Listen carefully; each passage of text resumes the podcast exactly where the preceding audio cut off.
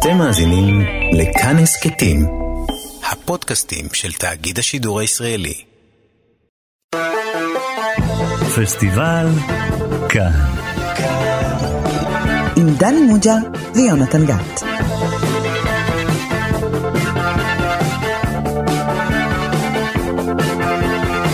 שלום לכם, אתם איתנו שוב בתוכנית הקולנוע הרדיופונית של תאגיד השידור הציבורי, ששמה פסטיבל כאן. אני יונתן גת, ומולי יושב ראש המחלקה לקולנוע בבית ברל, הלו הוא דני מוג'ה עם חיוך רחב מדי היום. שלום דני, למה אתה מחייך כל כך?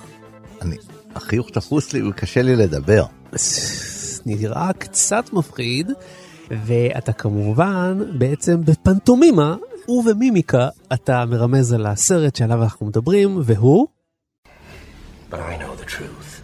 There's no going back. You've changed things. Forever. Then why do you want to kill me? I don't, I don't want to kill you. What would I do without you? Go back to ripping off mob dealers? No, no. No. No, you. You complete me. שמענו קטע מתוך האביר האפל, הסרט בחיכובם של היט לג'ר וכריסטיאן בל משנת 2008 בבימויו של כריסטופר נולן. דני מוג'ה, יש לי תחושה שאנחנו הולכים לדבר על הסרט הזה מסיבה מאוד מסוימת. מה הסיבה? אה, מהסיבה שכולם מדברים על הדמות של הסרט, אחת משתי הדמויות הבולטות של הסרט, אולי הבולטת ביותר, אבל בגלגולה החדש, הג'וקר כמובן. אתה חושב שהג'וקר מאפיל על בטמן. ככה נראה לי, אבל אין ספק שהיום כולם מדברים על הג'וקר בגלל הסרט ג'וקר, כמובן, בחיכובו של חואקין פיניקס. כן, זה התפקיד היותר מאתגר תמיד אה, כשמדברים על הסרט הזה, על האדפטציה הזאת לקומיקס. כן. אה, התפקיד היותר מאתגר, התפקיד שבסוף מדברים עליו יותר, אה, שנמצא באור הזרקורים של אה, יחסי הציבור ובאור הזרקורים ש...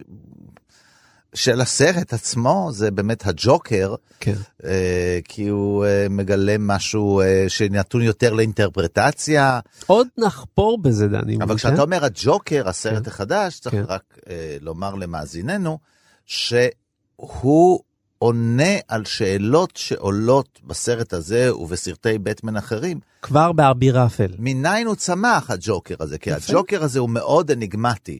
לא שהבטמן מובן מדוע הוא עושה את כל מה שהוא עושה, אבל יש מוטיבציות יותר ברורות. כן. כאן הוא יותר אניגמטי, ולכן בסופו של דבר עשו לנו מה שנקרא פריקוול, מהמם. שמספר את קורותיו וצמיחתו, כמעט לידתו של הג'וקר. אז אם אהבתם או שנאתם, כי הקהל מתחלק עם הסרט של הג'וקר, אנחנו מחזירים אתכם עכשיו למקורות, לאביר האפל, וזה אומר שדני מוג'ה פה במחויבות עצומה, כי זה שירות לציבור מה שהוא עושה, כי זה פה שידור ציבורי.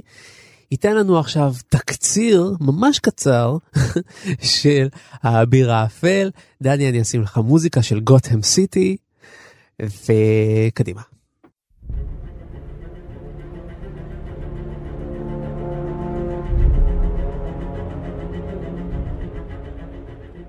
הסרט מתחיל בשוד בנק, כמו שאנחנו רגילים לראות אה, בקולנוע, סרטי פעולה אמריקניים, שהם כאילו עתירי תקציב, ושוד רציני, גדול, הרבה, צעקני. הרבה פיצוצים ויריות, הרבה פיצוצים, הרבה ניצבים. ומסכות ושודדים, הרבה ניצבים, כן. כן, והכספת, הסצנה הקבועה של הכספת, והצעקות בלובי שלה אה, באזור הלקוחות, והייחוד פה של הסצנה הזאת היא שבניגוד למאבק בין השודדים והמשטרה, המאבק הראשון הוא בין השודדים לבין עצמם, הוא בעצם שרשרת של חיסולים שאתה לאט לאט, אה, הם כולם עטויי מסכות, וזהו הג'וקר שהשתלט על העיר.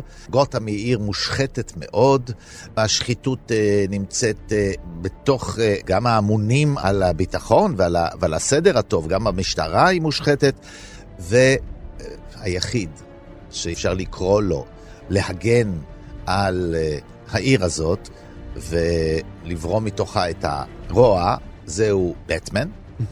זה לא פשוט, כי הרוע הזה גם משתרע על העולם כולו, אנחנו בעולם של גלובליזציה.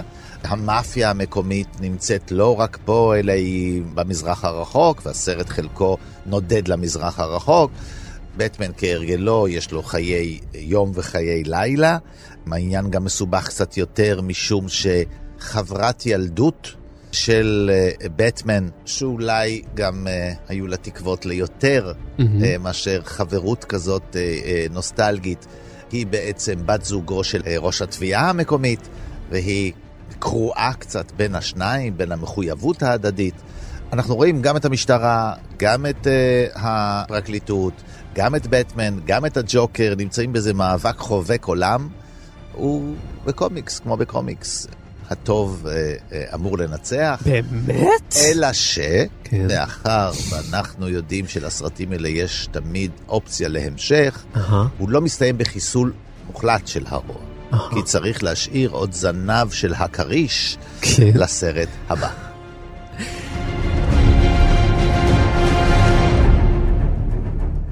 כל הכבוד לך, דני בובג'ה, אני חייב להגיד שעשית את זה עם הרבה חיוך, את התקציר הזה. אבל צריך להגיד שעל פי התקציר שלך, שהוא די, uh, כאילו זה על הנייר מה שאמרת.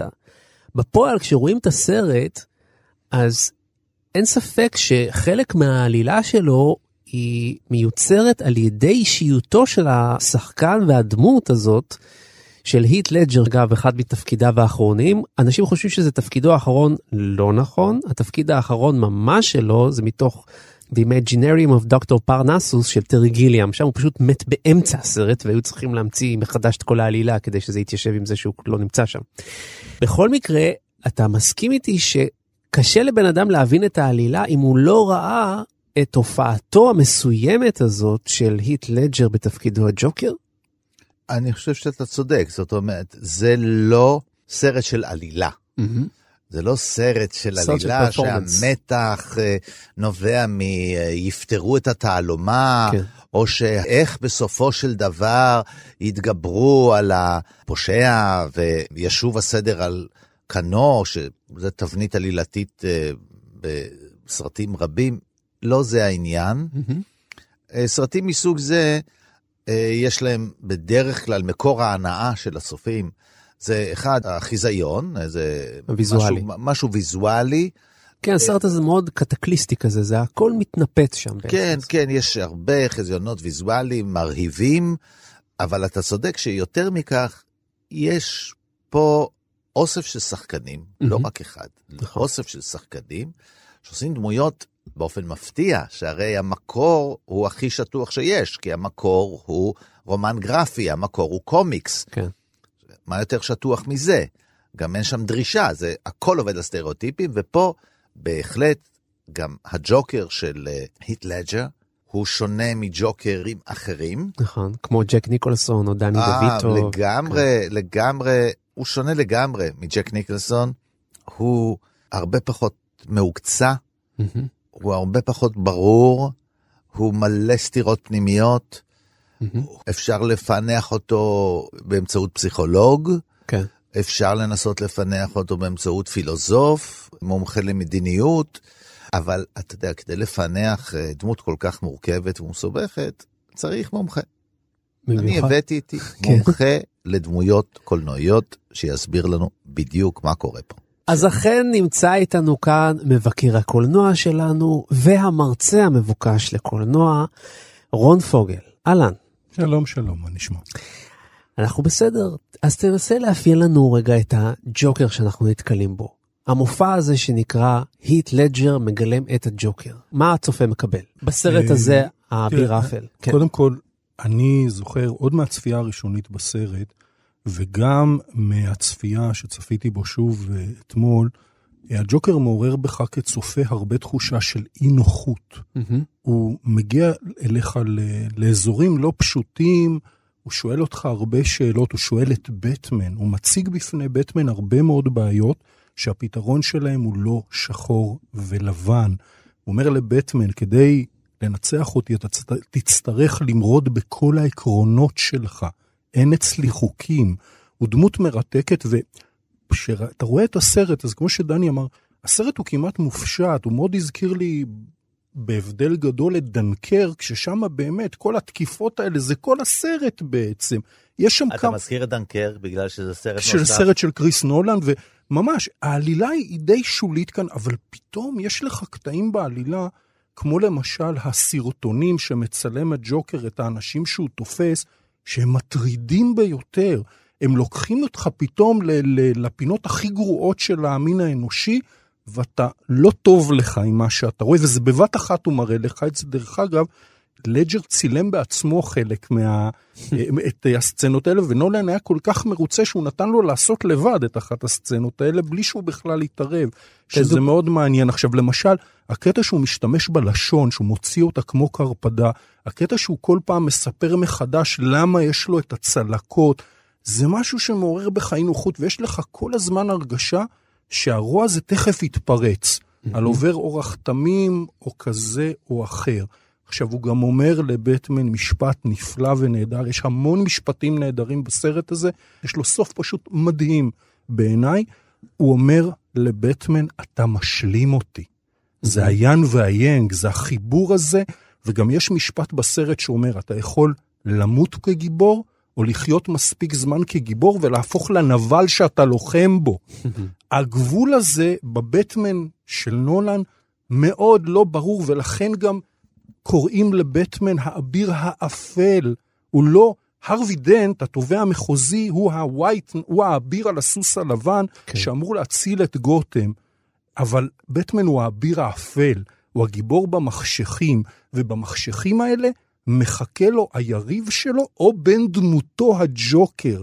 וזה נורא, יש פה כל כך הרבה פילוסופיה מרתקת בסרט הזה. הסרט הזה מביא לשיאו לדעתי את הדיון שקיים בקומיקס מתחילתו, האדם והמסכה, הדואליות של גיבור העל. וגיבור העל לא מתקיים בלי היריבים שלו, שהם בדרך כלל, כמו שדני אומר, די סטריאוטיפים וכאלה, וכאן הדמות הזאת היא חמקמקה להחריד. אתה לא מצליח להחזיק אותה. כשאתה לא מצליח להחזיק אותה, שהיא מתפוררת לך בידיים, זה לא טוב לך. אתה לא יודע איפה בדיוק למקם אותה, איפה היא תפתיע אותך, והיא מוציאה אותך לחלוטין מאזור הנוחות שלך. וזה הגאונות של הית' לדג'ר, כי ג'ק ניקולסון עשה את זה בצורה קצת קריצתית, קצת שובבה. Mm-hmm. אין מה להשוות, כאן זה, זה ממש, הוא יורד לתהומות אפלה שלא ראינו מהרבה שחקנים. חואקין פיניקס מעורר המון אהדה אצלך. לא הית' לדג'ר, הוא, הוא, הוא מרתיע אותך, הוא מפחיד אותך, והוא לוקח אותך למקומות שאתה לא בטוח שאתה רוצה להיות בהם.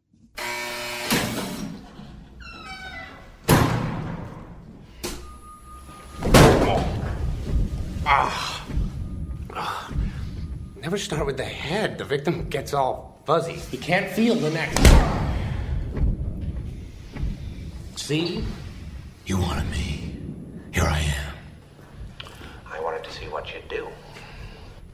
And you didn't disappoint. You let five people die. Then you let Dent take your place.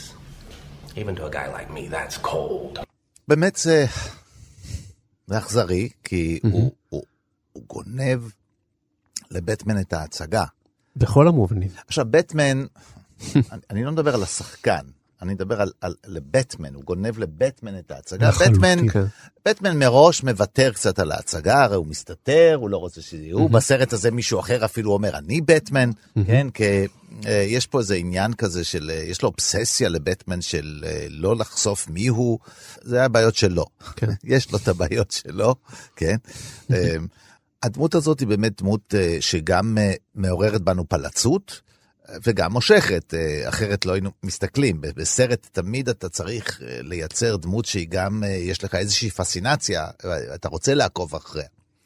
אבל היא באמת שונה, היא לא עושה את זה באופן שבו נגיד ג'ק ניקלסון עשה את זה, היט לג'ר לא עושה את זה באופן הזה, שנגיד הרגשת מאוד את ההנאה של ג'ק ניקלסון, של ג'ק ניקלסון או של הג'וקר עצמו, נהנה ממצבו. גם uh, הג'וקר הזה, יש רגעים שהוא נהנה מההישגים שלו, אבל uh, uh, הוא דמות מאוד מורכבת והיא דמות לא קוהרנטית. עשו אה, ניתוחים פסיכואנליטיים לדמות הזאת. כן, עשו גם לג'וקר באופן כללי, ואז זה צירוף של כל מיני דמויות, אבל ל- לדמות הזאת. אז יש בו את האלמנט שנקרא לו האנרכיסט, האלמנט הזה שהוא בעצם ניהיליסט, אה, כן, אבל, אבל יש בו גם אלמנטים של אה, אה, אנרכיה, כי הוא מציע פוליטיקה מסוג חדש. הוא מציע בעצם להרוס את הכל כדי לבנות דברים קצרי מועד, שהם היחידים שיתפקדו, ומול הדבר הזה אנשים מתקשים לתת לו תשובה בסרט, כך שזה החלק, נאמר, היציב שבו. יש לו איזה תפיסת עולם, תפיסת עולם שלא מקבלים אותה, בעולם המערבי הדמוקרטי לא מקבלים אותה, כביכול גותם היא עיר דמוקרטית שפועלת לפי הכללים של אה, ניו יורק היום. היא תמיד עיר שמזכירה קצת את ניו יורק, נכון? אז זה, זה צד אחד שיש בו. אבל הזכרת שאיך הוא קיבל את, ה, אה, את את החיוך הזה. אז זה לא שהוא חוזר כל פעם ומספר, הוא כל פעם מספר סיפור סיפור, אחר. אחר. נכון. וזה לא גרסאות, בכל פעם שהוא מספר את זה, הסיפור האמיתי. לא, אתה לא מרגיש שהוא משקר, ברור. כל הסיפורים הם הסיפור האמיתי, כן. מכאן שכל הסיפורים הם לא, זאת אומרת, אה, אה, יש לו כמה ביוגרפיות, אז אם רוצים לקחת את זה, טוב, הוא בסך הכל דמות מצוירת, הוא בסך הכל דמות שברוטה, הוא לא דמות קיימת, אין לו, אין לו פסיכולוגיה, אז מה שהחליטו, זה מה שהיה לו בעבר. אבל הוא, כשהוא אומר את זה, הוא אומר את זה לא כמו דמות מצוירת, הוא לא מצטט מאיזה קומיקס ויש לו בועה כזאת שהוא צריך להגיד את המשפט הזה. הוא אומר את זה מתוך הזיכרון שלו, מתוך הידע שלו, בכל פעם בשכנוע עצמי שלם, וזה, מה אתה עושה? איך אתה מתייחס לדבר הזה שיש לו ביוגרפיות מתחלפות כל הזמן? הוא אופיין גם כמישהו שיש לו בעיות של קשב וריכוז. כן. הוא הולך לפה, הוא הולך לפה, אה, אה, קשה לת, אה, לתקשר איתו, השיחה הולכת הצידה. עם הבעיות שיש לדמויות של, לאנשים עם בעיות של קשב וריכוז שנובעות מדימוי עצמי בעייתי וחוסר יכולת אה, להיות במקום ולהיות שלם כשאתה מתעסק באינפורמציה שמגיעה אליך, ואז אתה מגיב כפי שאתה מגיב. ואני יכול להוסיף על זה עוד ועוד ועוד, אחד המעניינים ביותר זה... מה זה, ממש הבאת נתוני מעבדה על הג'וקר. עשו על זה, כן. יש פסיכואנליזה שלמה, יש ספרים, ספרים על הג'וקר של אספו אה, פסיכואנליטיקאים ונתנו להם לנתח אותו ויצרו יחד קונסוליום של מי הוא. אחד הדברים המעניינים, למשל אם תשווה אותו לג'ק ניקלסון, הוא מאוד מרושל. הוא דמות דהויה. האיפור שלו מרוח. ממש מרוח, לא... ג'ק ניקלסון, החיוך הוא. חד נכון, וכן. נכון. גם לא. השיער שלו צהוב כזה בקצה.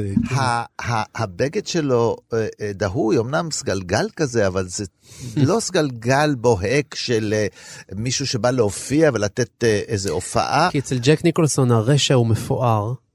אצלו, אצל היט לג'ר זה רשע מרושל. כן, והוא יוצא החוצה ות- ו- והוא, זה- אין לו אוויר. אין לו אוויר. אה, יש יש קטע בסרט שהוא מתחפש לשוטר. כן. הוא מתחפש ל- ל- לאחות. הוא מתחפש באיזשהו זה קטע שהוא מתחפש. לאישה, אבל כן, כן. זה, זה נכון, זה גם מצחיק שגבר מתחפש לאישה, זה אה, אלמנט מקומדיה, אבל זה עלוב. נכון. זה נראה עלוב, זה נראה כמו מישהו שנזרק מדרג, מהופעת דרג, שהגיעו אה, מהופעת דרג אסורה וזורקים אותו לרחוב. הוא, הוא, הוא, יש בו עליבות ו, וכאב שלו לשאת את העליבות הזאת, שמפעיל אותו כפי שמפעיל אותו, וכל פעם זה מציל אותו קצת. המשמעות של הסרט מתהפכת, כי לפתע בטמן הוא אנקדוטה בחייו של, אה, אה, של ג'וקר. זאת אומרת, בטמן נועד לבחון את הג'וקר. זה לא שהג'וקר הוא אתגר לבטמן.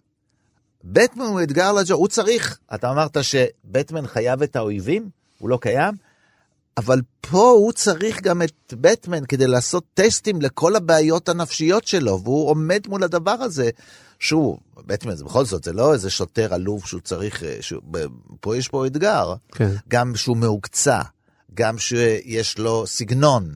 אה, בכל אחד מהפרמטרים האלה, כן, הוא סופר מרוכז, בטמן. כן. אז אדם עם בעיות של קשב וריכוז מול סופר מרוכז זה אתגר עצום. הוא גם אל הון, אל תשכח. כן, והוא, אז, בכל אחד מהפרמטרים האלה, כן?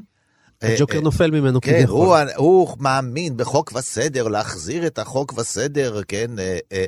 שזה מפוקפק מאוד אגב, בטמן אם אתה מאמין בזה אז צא ותעשה את זה, תיבחר לראש העיר ותשליט, לא, אני פועל. אתה יודע, יש, יש משהו באמת מאוד מסוכן בדמות הזאת של הג'וקר, כמו שאמרת, כי אם נשווה את זה רגע לאנטי גיבור שאנחנו נורא רוצים לעודד אותו שהוא יצליח למרות שהוא מגיע מהשפתות, כאן קורה המנגנון ההפוך, דווקא האכזר, האיש האכזר מגיע מהשפתות, ופתאום אנחנו מרגישים שאנחנו כן רוצים קצת שהוא יצליח. זאת הבעיה פה שאנחנו נופלים בה. I just did what I do. I took your little plan and I turned it on itself. Look what I did to this city with a few drums of gas and a couple of bullets. Hmm? You, you know what I noticed? Nobody panics when things go according to plan. Even if the plan is horrifying. If tomorrow I tell the press that, like, a gangbanger will get shot, or a truckload of soldiers will be blowing up, nobody panics. Because it's all part of the plan. But when I say that one little old mare will die, well, then everyone loses their minds. יש קטע בסרט שבו שוב הג'וקר מכריח את בטמן לפעול, אפשר לראות בזה אולי השלכה על ה-9-11, בטמן משתמש בכל הטלפונים הסלולריים בעיר כדי למצוא איפה הג'וקר נמצא. כן. זה כמו הפטריוטיק אקט. זה אחרי ה-9-11 לשלטונות האמריקאים, והיום זה ידוע לשמצה, כן. הייתה אפשרות לחדור לפרטיות של האזרחים האמריקאים. לעצור אותם ולהחזיק אותם ימים בלי עורך דין, להקים כל מיני מחנות מעצר של ה-CIA וכולי. וכאן בטמן כדי לתפוס את אויבו משתמש בשיטות מאוד לא דמוקרטיות, וכאילו פוגע בפרטיות של תושבי אה, גותהם. תראה, אנחנו בשנת, הסרט יוצא ב-2008. זו השנה שבה מתחיל היקום הקולנועי של מארוול. שתהיה סדרת הסרטים המצליחה בכל הזמנים, אבל זה רק ההתחלה. יוצא איירון מן, נדמה לי, באותה שנה. ואולי בגלל זה, ש, שזה רק ההתחלה של הסדרה המפוארת ההיא, עדיין כאן אנחנו מקיימים דיונים מרתקים על מיהו גיבור, מיהו נבל, כי לדעתי, בסופו של דבר בסדרת uh, הנוקמים זה די ננטש. ואף אחד לא דיבר שם על הדואליות של אנשים במסכה, כן או לא, זה היה חבורה של טובים שבסוף צריכים להציל את היקום מאיזה רשע שמחפש כפפה וכולי. כן. לכן בעיניי גם דמותו של בטמן תמיד הייתה הדמות הכי, שהכי ריתקה אותי בקומיקס. הוא לא גיבור על. אין לו שום יכולות חוץ מהגאדג'טים שהוא מייצר. נכון. דיברנו על זה בתוכנית אה, על בטמן מ-1989, אתם מוזמנים להאזין. כן. ולכן אה, הוא דמות מרתקת, הוא לא גיבור על קלאסי, ואולי בגלל זה שעוד בכלל בא לו כזה נבל על לא קלאסי, אז ביחד זה הופך את העסק להרבה יותר מעניין. ודני הזכיר, אה, יש כאן המון דברים ביחד בסרט הזה שהופכים אותו. הוא, הוא עשה מיליארד וחצי דולר, הוא נבחר לאחד הסרטים הטובים ב-IMDb, הוא מקום ארבע נדמה לי. וואו. זה לא במקרה. זאת אומרת, זה גם יש כאן משחק מצוין, בטח של הית' לדג'ר, ושל גארי אולדמן בתפקיד נהדר. של גרי ה- אולדמן תמיד מדהים. לא, אבל תשמע, הוא עושה פה כזה תפקיד שקט, ואתה זוכר איך הוא התחיל בזקוף את האוזן ובכאלה, וסיד וננסי. ו- גרי אולדמן הוא הזיקית וה- האנושית של ועם הקולנוע. הזקן- השפם הזה, ו- ו- הוא פיטר סלרס אה, המשודרג. ו- כן. וגם אהרון אקהארט עושה כאן תפקיד בכלל לא נכון. רע. ו- וכריסטיאן בייל הוא כריסטיאן בייל לדעתי, אני מאוד אוהב אותו כשחקן דרמטי, יש לו כן. יכולות אדירות, למרות שכאן הוא קצת low-key. אז גם השחקנים, וגם הפירוטכניקה שהיא אדירה, וגם הבימוי של נולן, וכשדיברתי על דנקרק, אז חשבתי על המושג שקראתי לו מינימליזם בומבסטי. כלומר, הוא מצליח גם להיות נורא נורא גדול, ורעש וצלצולים, והאופנוע המפלצתי והפשיסטי הזה שבטמן רוכב עליו. אבל ומצד המשחק- שני, הוא מצליח להיות גם, לתת לך סצנות מאוד קטנות ו- ו- ומטרידות. הסרט נורא, סרט נורא מטריד. זה אחד מסרטי גיבורי העל המטרידים ביותר שאני ראיתי. אתה לא מסיים אותו באיזה תחושת התעלות. ממש לא, גם הסיום שלו הוא כאילו הפוך למה שאמור להיות, שהטוב ינצח וכולם יצאו שמחים לעבר השקיעה. ממש לא. אז איך אתה מסביר את ההצלחה העצומה שלו? כי אנחנו יודעים שלא בהכרח עומק, או לא בהכרח מורכבות, הופכים סרט לשובר קופות כזה גדול. צריך משהו, בדרך כלל זה איך אתה הולך הביתה מהסרט. כי אני חושב שבסופו של דבר כאן הבומבסטיות ניצחה. הפעלולים, זה סרט של 152 דקות. אתה לא יכול להעתיק את העיניים מהמסך. אני ישבתי אתמול מאופנת שעתיים וחצי ולא זזתי כשראיתי את הסרט. הקצב הוא נהדר, גם אם אתה מרגיש שיש שם דברים שהם שוליים לעלילה, אה, אריק רוברטס בתפקיד כזה של כאילו בוס במאפי, שפה יש לו תפקיד כזה חצי קומי, אתנחתה קומית, אבל כל הדברים מתחברים, ונולן אמר שהוא מתייחס לסרטים שלו הרבה פעמים כאל מבוך. העלילה פחות מעניינת אותו, הוא לוקח את הגיבורים שלו להחליט אם זה יהיה הדלת עם הנסיכה או הדלת עם הנמר. והוא אומר, אני רוצה שהצופים שלי יחוו יחד עם הגיבורים את ההתלבטויות באיזה דלת לבחור. וגם הג'וקר מפני, מציג בפני בטמן. הוא יציל את אהובתו או יציל את, אה, את אה, הנציב? אה, הוא, מי ילחץ על המתג, האסירים המרושעים או האזרחים התמימים? והוא כל הזמן רץ, רץ, רץ, רץ, רץ איתך, אתה חסר נשימה, בסוף נגמר הסרט, אתה מתעורר ואומר, וואו. Introduce a little anarchy. Upset the established order, and everything becomes chaos. I'm an agent of chaos.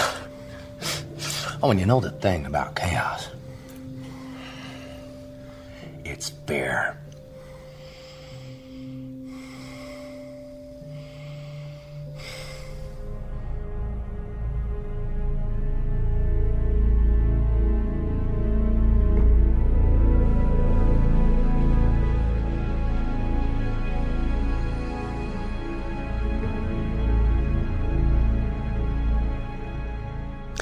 דני, אתה שאלת למה אנשים רצים לראות את הסרט בכל זאת.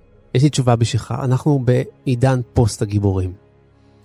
אנחנו בעידן ששבענו מהגיבורים שלא הביאו את הסחורה.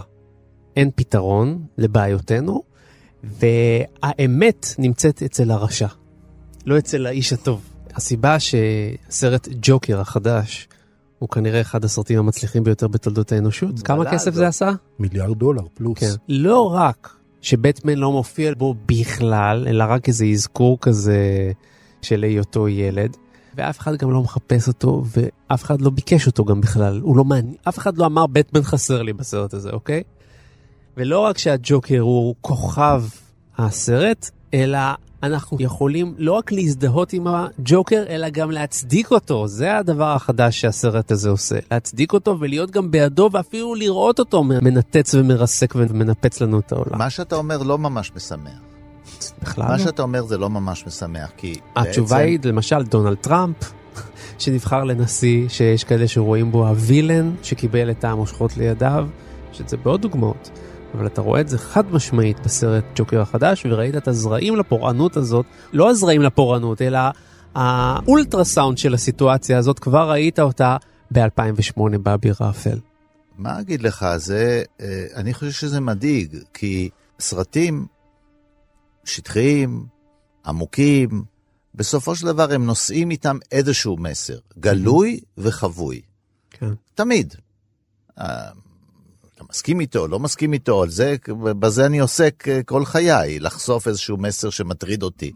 ופה באופן גלוי ומושך, אתה אומר שיש לנו אה, משיכה עכשיו לגיבורים שסט הערכים שלהם הוא לכל הדעות בעייתי, אם לא שלילי, אם לא מגונה, והם הגיבורים שלנו. אתה יודע, זה כבר היה לנו עידן כזה. הזכרתי קודם את המילה ויג'ילנטה, כן? זה אנשים שלוקחים את החוק לידיים. היה לנו עידן כזה שהקולנוע שהצליח, חלק מן הקולנוע שהצליח היה אה, סרט, ש, אה, אה, אה, אה, קולנוע שבו במרכז הסרט, במצב של אי אפשר, אין כבר על מי לסמוך, הכל מתפרק, אז אנחנו צריכים להתגעגע למישהו שייקח את החוק לידיים ושיעשה סוף סוף סדר. דון קורליאונה. תנו לו לנצח. כן. לא, לא דון קורליאונה. הארי המזוהם. אה, הארי המזוהם.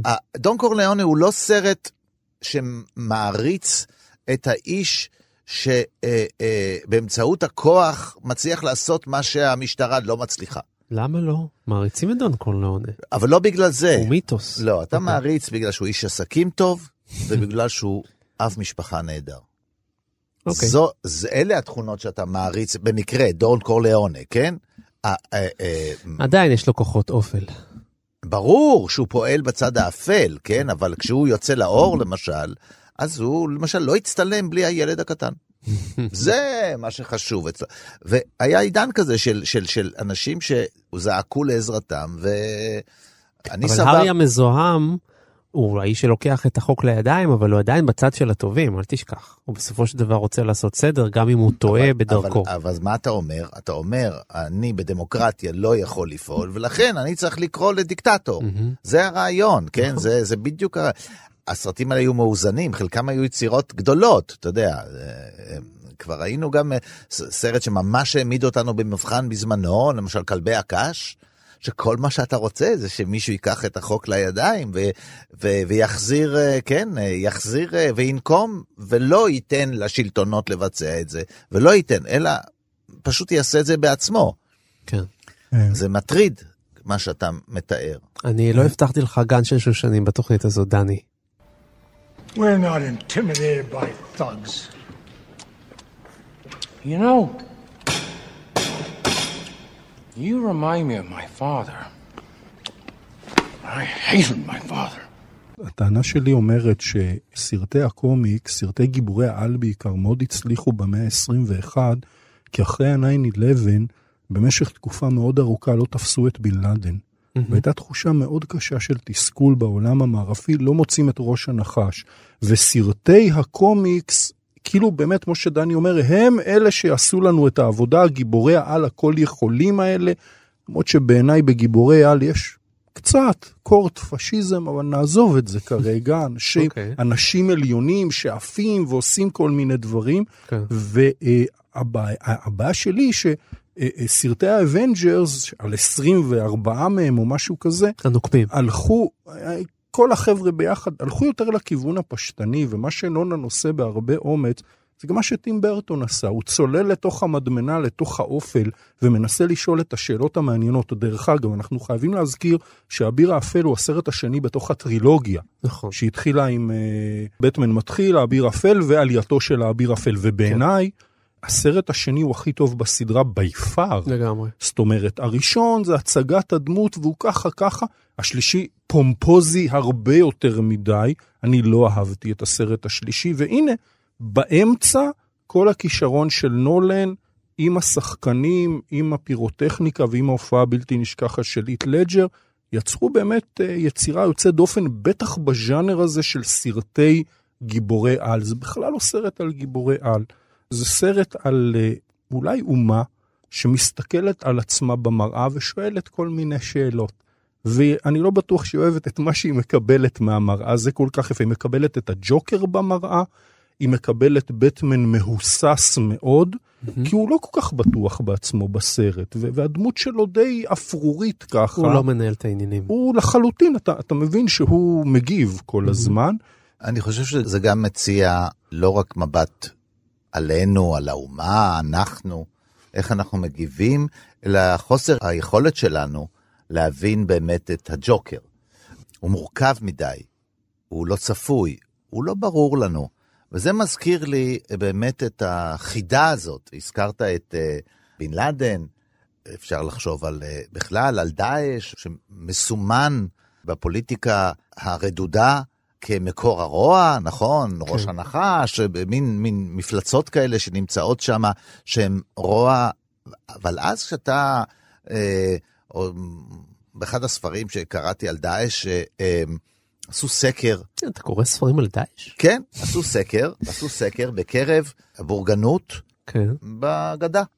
מאחר ומי שכתב אותו היה אז בישראל, הוא בשטחים, מה שנקרא בשטחים, כן? והלך לבורגנים, לרופאי שיניים, לעורכי דין, לבעלי מקולות, לאנשים מן היישוב. והוא מגלה אהדה גדולה מאוד לדאעש. בקרב האנשים האלה, המאוד מאוד נורמטיביים, והוא לא מצליח להבין את זה. כי יש לנו משהו, אנחנו נמצאים מחוץ לעולם הזה ולא מבינים את זה לחלוטין, וזה נובע מצירים אחרים של מאבקים, מאבקים בין שיעים ו... במקרה הזה בין שיעים ולסונים, וזה מייצג מאבק אולי אכזרי, אבל בשם ערכים אחרים שהם בכלל לא נמצאים. ואני חושב שהמצב הזה של, שאנחנו צריכים לשהות כל כך הרבה, אתה אומר זה מטריד, זה כאילו שנפלתי בשבי, של, של, של, ואני צריך להיות שם, ואיך קוראים לתסמונת הזאת? אה, שטוקהולם. שטוקהולם, שאני כן. צריך עכשיו קצת להזדהות עם ה... אני מבלה בחברתו הרבה מן זמן הסרט. אה, כשמבלים בחברתו של מישהו אתה קצת מזדהה איתו, קצת נהנה ממנו, אה, כבר יש יותר סבל, קצת פחות סבל, אז אתה... ואתה מקשיב לו, אתה שומע אותו, אתה לא מבין. הוא נשאר במצב שלא מבין, זה לא שהוא הופך, אה, הבנתי, הם הטובים, אנחנו הרעים. החשיבה האמריקאית היא בכלל כזאת שהיה להם את אותו דבר בעצם בתקופת מלחמת וייטנאם. הגענו אל מלחמת וייטנאם, כולנו עם ידיעה אחת ברורה, שהטובים תמיד מנצחים. מלחמת וייטנאם מוכיחה אחד משני הדברים. אם זה נכון, אז לא היינו הטובים. או שזה לא נכון, כי הפסדנו. כן. וגם במאבק, אה, בטח ב- ב- בשנה הזאת, ב-2008, גם המאבק ברוע החדש הזה, באסלאם הזה, כן, מהמם. לא היה ברור. והוא נכון. גם מייצג משהו, גם, גם הג'וקר, הוא כל פעם מופיע בעוד סרט. אז כאילו, אה, אה, זה, זה משהו אינסופי, נכון? זה מין מאבק אינסופי. ואיתנו נמצאת מיכל פז קלאפ, עורכת ספרי נוער וקומיקס בהוצאת כתר, ובעבר אוצרת במוזיאון הקומיקס. כן, יש תפקיד כזה, שלום מיכל. אהלן. מיכל, בתור אחת שכנראה קראה אה, כל קומיקס אפשרי בנושא, אה, מה דעתך על האדפטציה הזאת של הסרט לעומת הרומן הגרפי? אני מבין שזה מבוסס על שני ספרים. מה את חושבת? זה עשו צדק עם הסיפור המקורי? סיפורים אני המקוריים? חושבת, ש... אני חושבת שיש פה אה, אה, שילוב מאוד מאוד מאוד מעניין של שני נרטיבים, כשלמעשה הג'וקר הוא הדמות שמובילה את הקישור, אבל אה, הג'וקר והטירוף שלו. זאת אומרת, יש לנו פה שילוב גם של אה, The Killing Joke, שכתב אלן מור וצייר בריין אה, בולן, מהמם. וגם של אה, The Long Halloween, שכתב ג'ף לוב וצייר טים סור. כן. ולמעשה הסיפור יותר דומה לבלונג הלואין, זאת אומרת, יש לנו את כל הסיפור של התובע שבשלב מסוים הופך להיות Two-Face, ויש לנו את, את הג'וקר ואת אה, בטמן, שהם אה, אה, מעין דמויות כאלו של שני הצדדים של אותו טירוף. אה, הג'וקר שכל הזמן מחפש את בטמן ורק מנסה להסביר לו שלמעשה הוא לא הצרה שבטמן צריך להיפטר ממנה, אלא הוא- המשלים. אלא הוא, הוא המשלים, הוא הצד האחר של המטבע, אם להשתמש ב, ב, בשפה של הסרט. אז זה ככה גם אה, בספר, ככה גם בספרים. זה- תראה, זה לא בדיוק אותם סיפורים, זאת אומרת, העלילות הן שונות, אבל, אה, אבל בגדול האסנס הוא בדיוק זה. הסרט לא מתעלה לדעתך על הספרים מבחינת העוצמה הפסיכולוגיסטית שלו? אה, לא. לא. אני אוקיי. לא חושבת שיש משהו שמתעלה על The Killing Joke, נתחיל מזה. אוקיי. אה, אני חושבת שכל הנושא של אה, האם בטמן הוא מטורף או שהוא אה, אה, אדם אמיץ ושוחר צדק, הוא אחד הנושאים המהותיים ביותר שיש לנו בדמות הזו. מהמם. ואין ספק שהסרט אה, נותן באמת אה, המון זוויות מאוד מעניינות על כל הנושא הזה של טירוף, של אה, האם יש דבר כזה, אה, אדם מושחת מול אדם טוב, ואיפה הטירוף נמצא, זאת אומרת, האם הטירוף הוא זה שגורם לנו לעבור אל הצד האחר, או שאולי הטירוף פשוט גורם לנו לקחת את היכולות שלנו מעבר למה שהבסיס החברתי והחוקים של החברה זה בדיוק מאפשרים שרציתי, לנו. בדיוק מה שרציתי לשאול אותך. מה הסרט האביר האפל עשה לעולם הקומיקס אחרי שהוא יצא? עולם הקומיקס הושפע מהתוצאה הזאת? תראה, עולם הקומיקס כל הזמן מתכתב עם עולם הקולנוע של הקומיקס. כן. זאת אומרת, יש כל הזמן אה, איזשהו אה, דיאלוג בין שני העולמות, ובכל פעם יש, יש את היצירה שמגיעה, יצירה אה, מרכזית, חשובה, מאתגרת, שפותחת את הראש ופותחת את הנרטיב. הכדור חוזר לקומיקס, וגם מבחינה ויזואלית. אנחנו רואים שהקומיקסים, ככל שהקולנוע נהיה יותר, אה, נגיד, המעבר הזה המאוד מעניין שנעשה פה לריאליזם, השפיע גם על הקומיקס, שגם הוא הפך להיות יותר ריאליסטי. מהמם. וככל שהדמות של בטמן נעשתה יותר אה, שרירית אה, וכולי, למרות שזה פחות אה, הריצה של האביר האפל, זה יותר בהמשך, אבל אנחנו רואים את העיצוב גם בדמויות הקומיקס, זאת אומרת זה גם משתנה.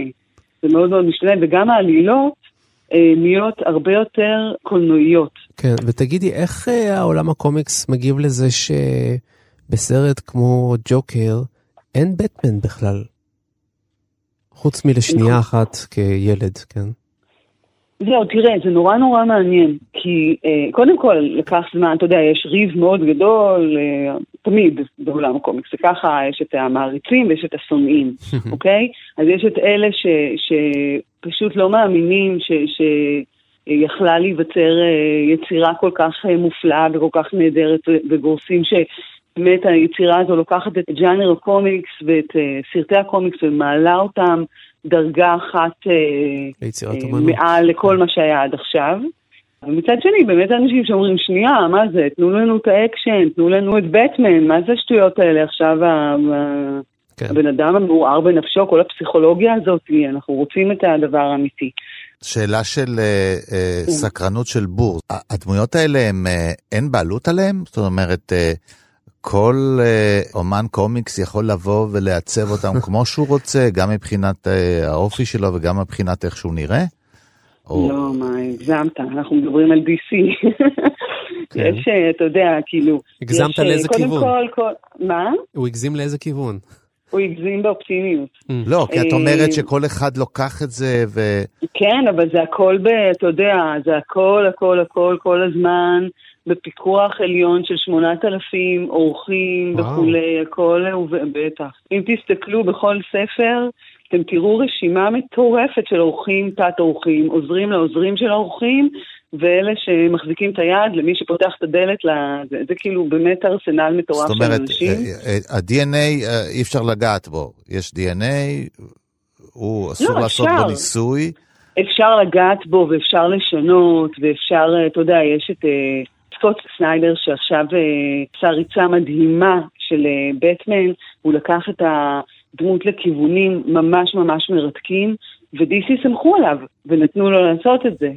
אבל זה צריך להיות משהו, לא כל אחד יכול לבוא ולהגיד, אוקיי, עכשיו אני אצייר את הבטמן. שאלה בעלי הזכויות, זה." לא, כשבשביל כן, מאזיננו. בעל, DC הם בעלי הזכויות, ולכן כשהם פונים, ל, קודם כל הם פונים לאומן שהם אוהבים את מה שהוא עושה ואוהבים את הראש שלו וכולי, ו, ומבקשים ממנו לכתוב סיפור על, אה, על הדמויות שלהם, אבל אה, הוא לא יכול להחליט שהוא עושה מה שהוא רוצה ברמה אינסופית. זאת אומרת, כל הזמן יש דיאלוג ויש, זה לא, מגיע... זה חייב לשבח את היצירתיות, לפחות את הפתיחות ליצור כאלה ג'וקרים מאוד מאוד שונים ממה שידענו לפני כן. זה חבר'ה כן, תראה, פתוחים. זה, זה, הם, הם פתוחים והם גם רוצים, אתה יודע, רואים את זה גם, אתה יודע, רואים את זה גם ברמה הקולנועית וגם ברמה הספרותית, שבאמת DC, גם DC וגם מארוול, הרי הם שני הכוחות המרכזיים פה, הם אה, כל הזמן בודקים את עצמם ומנסים לראות לאן עוד אפשר לקחת את הדמויות. עכשיו, חלק מזה זה גם עניין אה, של, אתה יודע, תכלס, אה, יש להם קוראים, הם רוצים לעניין את הקוראים, הדמויות האלה קיימות כבר 80 שנה, כן. ונכתבו עליהם אה, אה, אלפי עמודים של, כן. של קומיקס. חייבים לרענן את את הסיפור, כן. חייבים, לא סתם. עכשיו, מה שנחמד, וכן, מה שנחמד בגיבורי העל, זה שבאמת אפשר לעשות להם כל הזמן ריבוטים, להתחיל מההתחלה, לחפש כיוונים אחרים, וזה תמיד בסדר, זאת אומרת, זה משהו שהוא חלק מכללי המשחק ב storytelling הזה. כן. ולכן באמת האפשרויות הן אה, הן אינסופיות כמעט. מיכל פז קלאפ עורכת ספרי נוער וקומיקס בהוצאת כתר, ובעבר עוצרת במוזיאון הקומיקס. תודה רבה שהיית איתנו. תודה לכם. Nothing. No matches on prints, DNA, dental. Clothing is custom, no labels. Nothing in his pockets but knives and lint. No name. No other alias. Go home, Gordon. The clown will keep till morning. Go get some rest. You're gonna need it.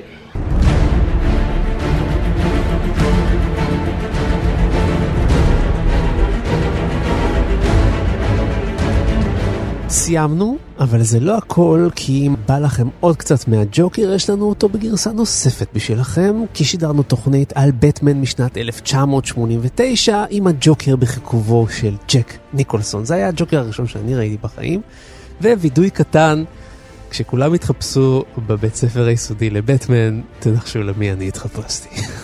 היה הרבה ספרי ירוק על השיער וחליפה סגולה. כן, יש כאלה שזוכרים את זה עד היום. אז אה, בשביל לשמוע את התוכנית הזאת בפסטיבל כאן, אתם נכנסים לאפליקציה שלנו שנקראת פשוט כאן, או לכל אפליקציית פודקאסטים שאתם בוחרים, נכנסים לאזור התוכנית שלנו, והפרק על בטמן משנת 1989 יחכה לכם שם.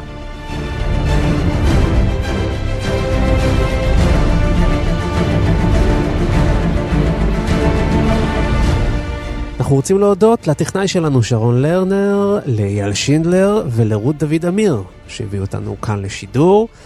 אני רוצה להודות במיוחד למבקר הקולנוע שלנו והמרצה המבוקש לקולנוע, רון פוגל, תודה שהיית איתנו. היה לי לעונג כמו תמיד. ולאיש החייכן של התוכנית, אבל בקרוב החיוך הזה יהפוך לבכי ולמלנכוליה, כיוון שהתוכנית הסתיימה. Uh, אני מקווה שתחזור אלינו בשבוע הבא עם uh, קלף מעניין נוסף שתשלוף מהשרוול, איזה ג'וקר קטן, מה אתה אומר? יונתן, אני מעדיף טאקי. יפה. כל אחד ומשחק הילדים החביב עליו. תודה רבה לכולכם, ואנחנו נתראה בשבוע הבא עם תוכנית חדשה וסרט מעניין נוסף. ביי ביי. ביי.